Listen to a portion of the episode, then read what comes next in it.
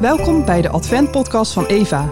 In deze podcast nemen wij je in 31 overdenkingen mee naar het kerstfeest. Aflevering 3. En hij heeft bij ons gewoond. Johannes 1, vers 14. God reisde met zijn volk mee in een tent de woestijn door, afgeschermd door dikke lagen stof waarop gerubs waren geborduurd. Daar bracht je je offers om te tonen hoe belangrijk God voor jou was.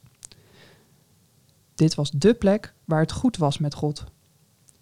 Later werd het een stenen gebouw, een vaste tempel waar je zelf naartoe moest.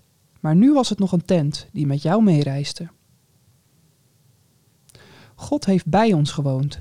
Getabernakeld staat er eigenlijk. Jezus was de nieuwe tent van God. God reisde nu weer met zijn volk mee door de geschiedenis.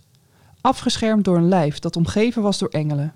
Mensen offerden alles aan hem: goud, wierook, mirre, hun kapitaal, hun baan, hun status, zelfs flesjes parfum van nardusolie. Jezus was dé plek waar je wist dat het goed zat met God.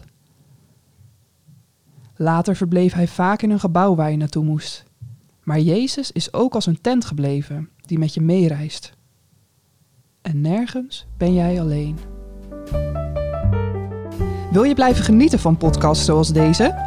Ga dan naar eva.eo.nl/abonnee en steun ons.